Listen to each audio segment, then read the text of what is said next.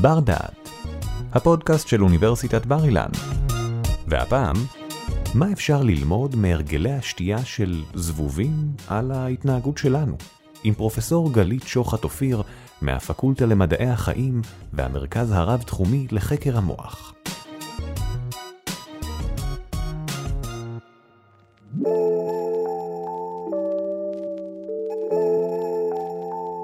מתי בפעם האחרונה יצאתם לבליינד דייט? אני מזמינה אתכם לצאת איתי לרגע לדייט שכזה בדמיון.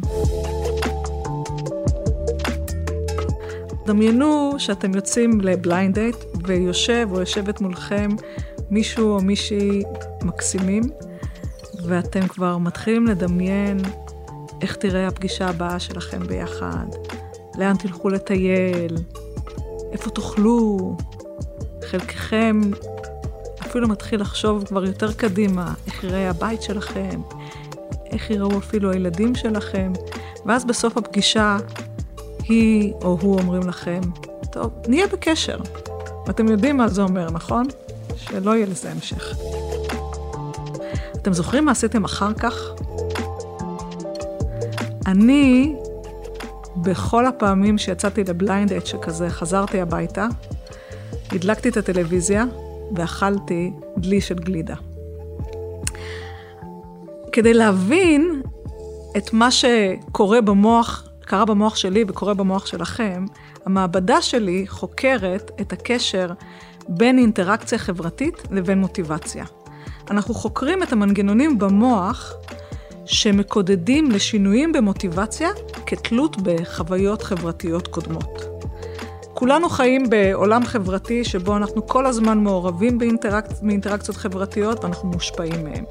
והמוח שלנו, מה שהוא עושה, הוא כל הזמן מבצע בכל רגע נתון אינטגרציה, הוא אוסף את כל המידע של האינפורמציה החושית, יחד עם המצב שלנו הפנימי, ובסופו של דבר אנחנו בוחרים פעולה אחת על פני פעולה אחרת, כדי למקסם את הסיכויים שלנו לשרוד ולהעביר את הגנים שלנו הלאה. זה נכון לכל בעלי החיים, וזה נכון גם לנו. אז מה זה מוטיבציה? מוטיבציה היא מצב פנימי שמכתיב התנהגויות מכוונות מטרה, כמו למשל לאכול כשאנחנו רעבים, לשתות כשאנחנו צמאים, לישון כשאנחנו עייפים. אז לכל בעלי החיים, אפילו הכי פשוטים שיש, יש התנהגויות שמונעות ממוטיבציה. וההתנהגויות האלה, הם נועדו למלא צרכים מאוד מאוד בסיסיים, כמו מזון, שתייה, סקס ואינטראקציה חברתית. ברגע שהמטרה מושגת, למשל, כשאנחנו אוכלים בתגובה לזה שאנחנו רעבים, נכנסות לפעולה במוח מערכות שמצמדות את ההתנהגות שעשינו להרגשה של הנאה.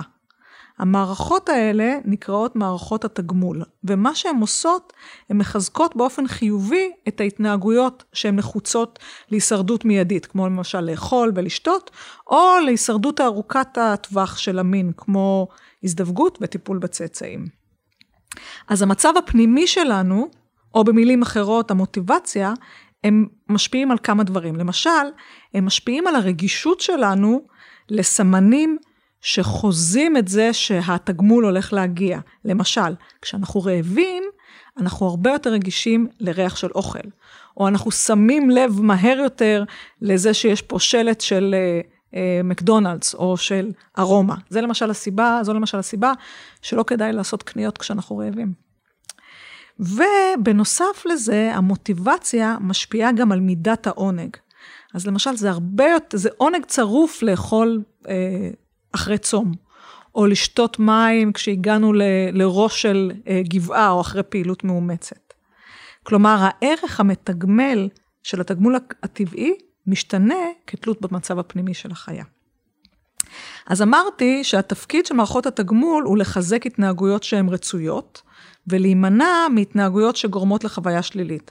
אבל כמו שאנחנו יודעים, עונג הוא לא תמיד בריא לנו, נכון? והסיכון שכרוך בחיפוש אחרי עונג תמידי וקיצורי דרך להשיג עונג, עשויים להסתיים בהתמכרות.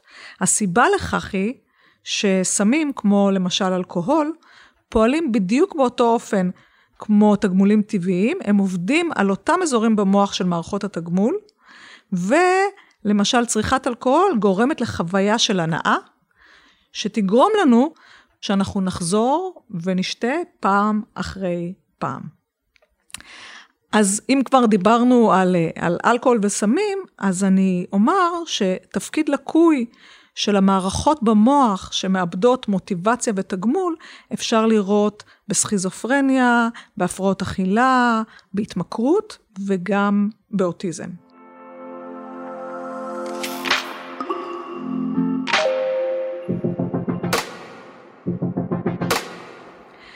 אז תחום המחקר שהמעבדה שלי חוקרת הוא שייך לנוירוביולוגיה.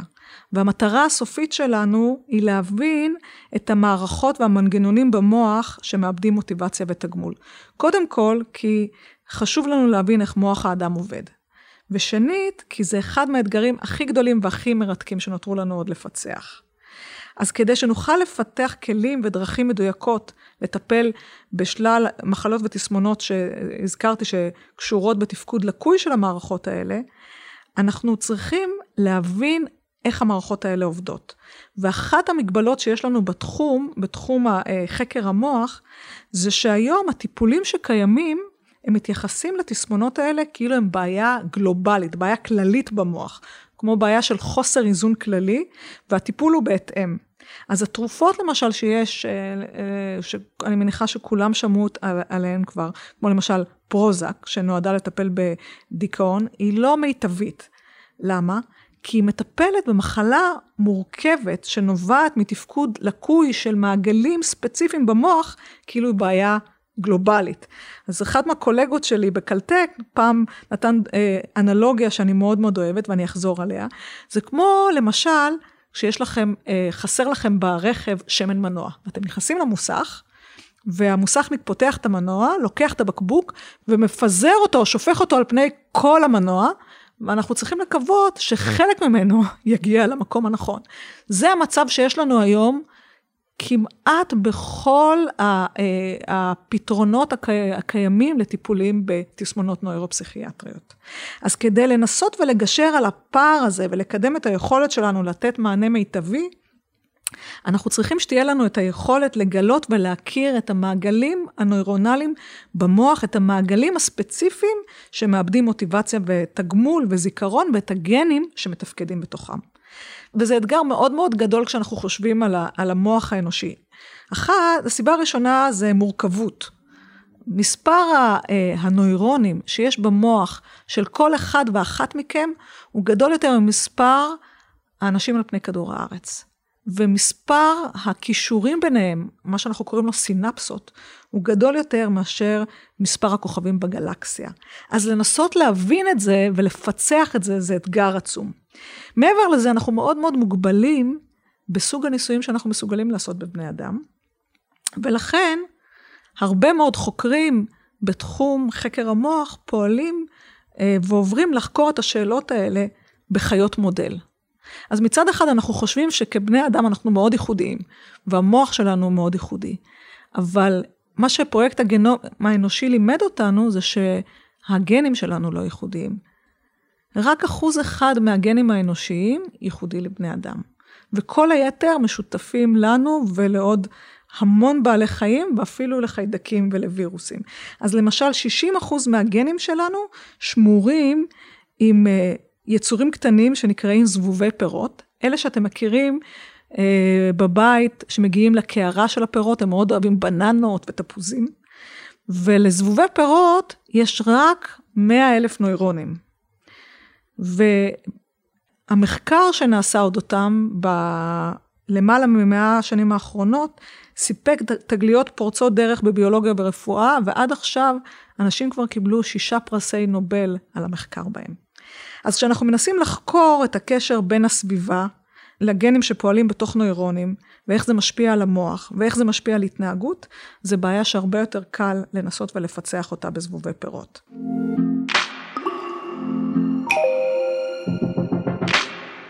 אז אני רוצה לדבר על כיצד ניסיון, ניסיון חברתי, משפיע על האופן שבו אנחנו מפרשים תגמול. אז האופן שבו ניגשנו לשאול או לחקור את השאלה הזאת בזבובי פירות, זה שלקחנו זכרים של זבובי פירות וחשפנו אותם לשני סוגים של ניסיון מיני אה, שונה. למה ניסיון מיני? כי הזדווגות זה אולי האירוע הכי מרכזי אה, בחיים של בעל חיים. אז מצד אחד לקחנו זכרים ונתנו להם הזדמנויות מרובות להזדווג באופן מוצלח עם נקבות שהן נקבות בתולות. מצד שני לקחנו זכרים וחשפנו אותם לנקבות שכבר הזדווגו והן אינן מעוניינות להזדווג פעם נוספת, ובכל פעם שהזכרים האלה מחזרים אחרי הנקבות, הם חווים חוויה של דחייה מינית. אז מצד אחד יש לנו זכרים שמזדווגים שלוש פעמים ביום עם נקבות בתולות, ומצד שני יש לנו זכרים ש... שעוברים דחייה שלוש פעמים ביום, חזרנו על זה למשך ארבעה ימים. ובתום היום הרביעי נתנו להם הזדמנות לבחור בין שני סוגים של מזונות.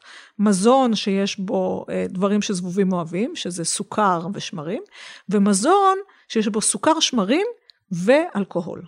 והסתכלנו על העדפה, על הבחירה שלהם לצרוך, אה, איזה מזון הם מעדיפים לצרוך. הזכרים שהזדווגו העדיפו את המזון ללא אלכוהול, וזכרים שנדחו העדיפו בצורה משמעותית לאכול אה, מזון שמכיל אלכוהול. אחר כך מה שעשינו, מאחר שאנחנו עובדים בחיית מודל שעושים בה הרבה ניסיונות בגנטיקה, זה ניסינו להבין מהו המנגנון במוח שגורם להבדל הזה בהתנהגות. וגילינו שההבדל נעוץ בחלבון קטן, קצר, שנמצא במוח של הזבובים, ונמצא גם במוח של יונקים וגם במוח של בני אדם. לחלבון הזה קוראים נוירופפטיד, ובמקרה הספציפי הזה הוא נקרא בבני אדם נוירופפטיד מסוג Y, ובזבובים הוא נקרא נוירופפטיד מסוג F.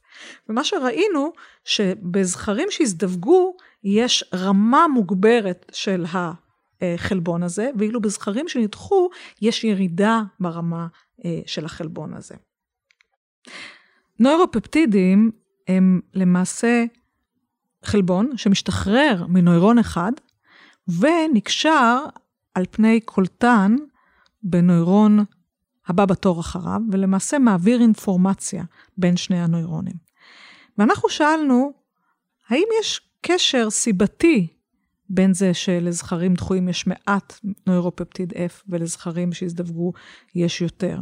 או שאולי זה, זה קורה, אבל זה לא קשור בכלל לצריכת אלכוהול.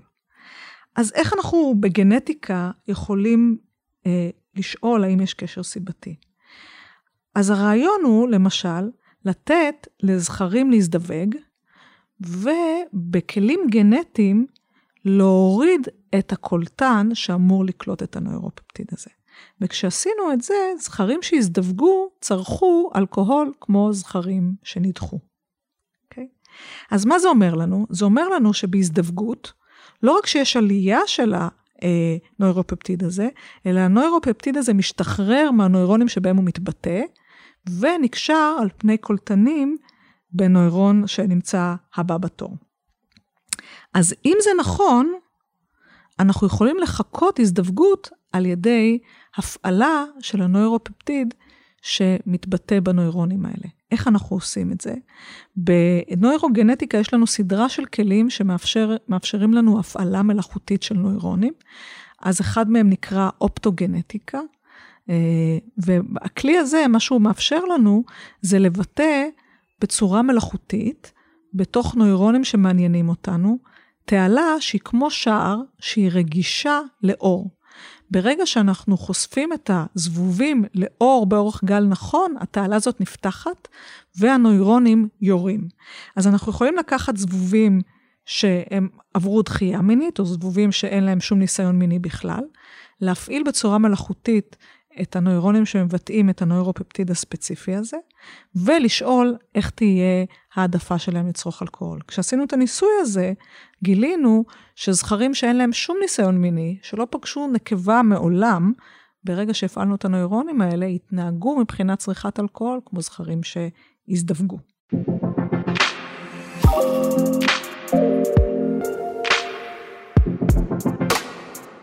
אוקיי, אז מה זה אומר לנו עד עכשיו? זה אומר שהזדווגות גורמת להפעלה של הנוירונים האלה ושלשחרור של הנוירופפטיד ולעלייה ברמה שלו, וזה מוריד את המוטיבציה לצרוך אלכוהול, ודחייה גורמת לירידה בנוירופפטיד הזה, שמעלה את המוטיבציה לצרוך אלכוהול.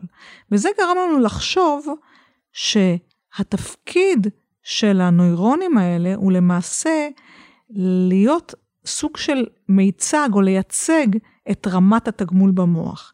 אז הדבר הבא שעשינו, זה חיפשנו דרך אחרת להסתכל על, על המצב של התגמול הפנימי, על המצב של המוטיבציה. ואחד מהכלים שיש לנו זה להסתכל על זיכרונות לחוויה המתגמלת. איך אנחנו עושים את זה? אנחנו למעשה מצמדים בין ריח לבין חוויה מסוימת, ובין ריח אחר להיעדר החוויה, ואנחנו שואלים את הזבובים יום אחר כך איזה ריח הם העדיפו. אם החוויה שצומדה לריח הייתה נעימה עבורם, הם יעדיפו ללכת אל הריח הזה. אז באופן הזה, מה שעשינו, הראינו למעשה שהזדווגות היא חוויה נעימה ומתגמלת עבור זבובים, כי הם הולכים כלפי אל ריח שמזכיר להם את החוויה הזאת, וגם הצלחנו להראות שהפעלה מלאכותית של הנוירונים היא גורמת לחוויה של הנאה, שזבובים מעדיפים ריח שצומד להפעלה מלאכותית של הנוירונים. הדבר האחרון שעשינו זה אה, שאלנו אה, מה קורה אם אנחנו חושפים זבובים לאלכוהול, מצמדים לזה ריח. כשעושים את זה באופן כללי מעבודות של אנשים אחרים, אנחנו יודעים שזבובים מעדיפים ללכת לריח שצומד לחוויה שאלכוהול היה בסביבה.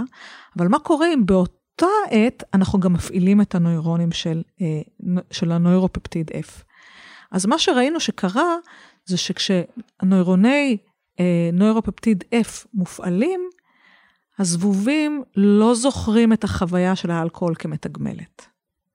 מה שאומר לנו שכשהנוירונים שמייצגים תגמול במוח, כשהם פעילים, תגמולים חיצוניים אחרים לא נתפסים כמתגמלים. אז הממצאים הללו אה, שגילינו מראים שבזבובים, ואנחנו מניחים שכך גם בבעלי חיים אחרים, המוח שומר על רמה קבועה של תגמול. והתנסויות שמשנות את רמת התגמול הפנימית, משפיעות על התנהגויות שישיבו את הרמה בחזרה למצב נורמלי. ואנחנו מניחים שאותו דבר יהיה נכון גם בבני אדם. שהדבר לא צריך להיות קשור בהכרח למין, גם יחסים חברתיים אה, מכל מיני סוגים, כמו משחק עם חברים, אינטראקציה משפחתית, חיבוק, גם הם מפעילים את אותן מערכות. ואנחנו יודעים היום שאצל בני אדם, למשל, שסובלים אה, מדיכאון, יש רמה נמוכה יחסית של אה, הפפטיד הזה של נוירופפטיד Y. ואנשים שחוו אירועים פוסט-טראומטיים, גם אצלהם יש רמות אה, נמוכות של הפפטיד הזה.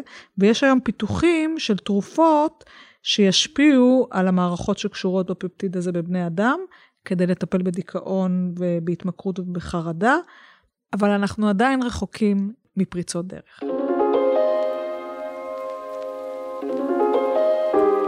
מה כל זה יכול לומר לנו על האופן שבו בני אדם מאבדים תגמול, על הקשר שבין מוטיבציה לתגמול בבני אדם ועל התמכרות.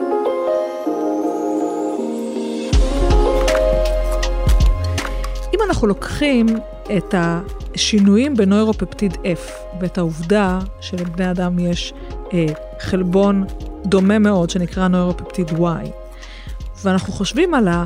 אה, על הממצא שרמת התגמול מיוצגת על ידי שינויים ברמה של הנוירופפטיד הזה, האם הסיכוי שלנו להתמכר קשור בגודל המיכל של התגמול שאנחנו צריכים למלא? האם יכול להיות שיש אנשים שיש להם מיכל תגמול קטן וקל מאוד למלא אותו, ויש אנשים שיש להם מיכל גדול שנדרשים הרבה תגמולים כדי למלא אותו? או שמה שמשפיע למעשה על הסיכוי להתמכר זה הרגישות לירידה ועלייה ברמות התגמול. אנחנו יכולים לדמיין את מערכות התגמול כסוג של דלי, אוקיי? ואת נוירופפטיד F או נוירופפטיד Y כמו מצוף. מצוף בדלי או מצוף במיכל של דלק, שברגע שהרמה שלו יורדת, יש התנהגויות שלצרוך תגמול כדי להחזיר את הרמה הזאת בחזרה. אז האם יש הבדלים בבני אדם בגודל המיכל? האם יכול להיות שיש אנשים שיש להם מיכל קטן, ולכן לא נדרש הרבה תגמול כדי למלא אותו, או שיש אנשים שיש להם מיכל גדול, והם צריכים להתאמץ מאוד כדי להשאיר את המיכל הזה מלא. או שמה שמבדיל בינינו כבני אדם, זה ברגישות של המצוף. שיש אנשים כשהמצוף יורד אצלהם, זה לא גורם למוטיבציה רבה לחזור ולמלא אותו, ויש אנשים שירידה קטנה במצוף גורמת למוטיבציה אה, לחזור ולצרוך תגמולים. מה זה עוד אומר לנו? זה אומר לנו שברגע שהדלי שלנו רווי בתגמולים טבעיים, וזה יכול להיות רווי ממשחק, מחיבוק, משיחה טובה עם חברים, מאינטראקציה חברתית, כמו שאמרתי, אז כשאנחנו שותים אלכוהול, הערך המתגמל של האלכוהול הוא נמוך. ואז הסיכוי שאנחנו נחזור ונצרוך אלכוהול בפעם השנייה, בפעם השלישית, בפעם החמישית, הוא נמוך. אבל ברגע שאנחנו שותים אלכוהול, כשמערכות התגמול שלנו בחסר, הערך של התגמול הוא גבוה. ועל כן הסיכוי שנחזור ונצרוך אלכוהול הוא הרבה יותר גבוה. אז זה למעשה הקשר בין המצב הפנימי שלנו, בין חוויות שחווינו, לבין הסיכוי להתמכר. כלומר, חוויות שליליות, כמו לב שבור, באנלוגיה של הפתיחה של הפודקאסט הזה, עשויים לגרום לך שכשנשתה, הערך של התגמול יהיה גבוה ויגדיל את הסיכוי שנחזור ונשתה. לכן ההמלצה, לשתות אולי בסיטואציות משמחות, עם חברים, ולא לבד. לא כדי למלא חסך אחר.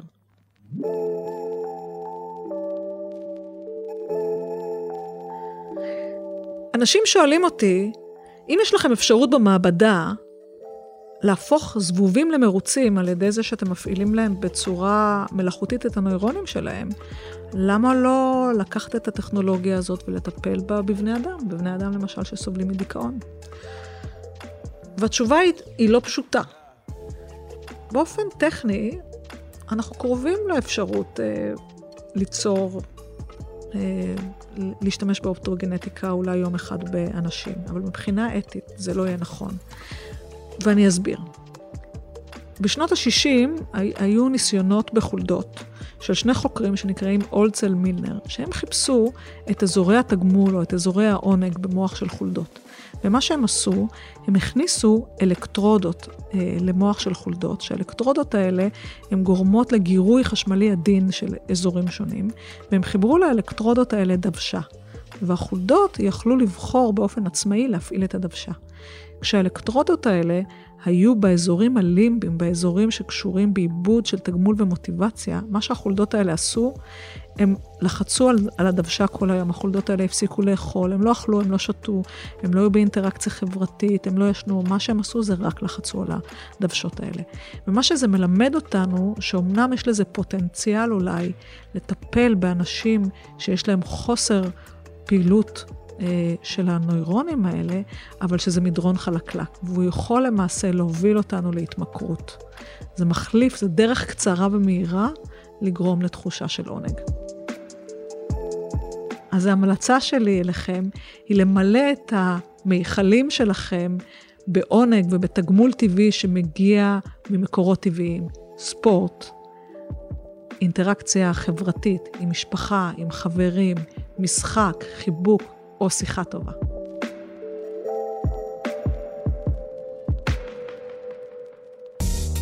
תודה שהאזנתם לנו.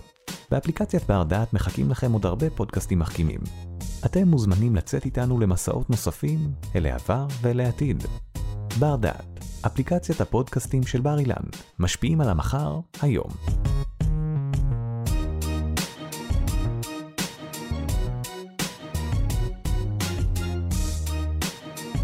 ערך והפיק אורי טולדנו. תודה על ההאזנה.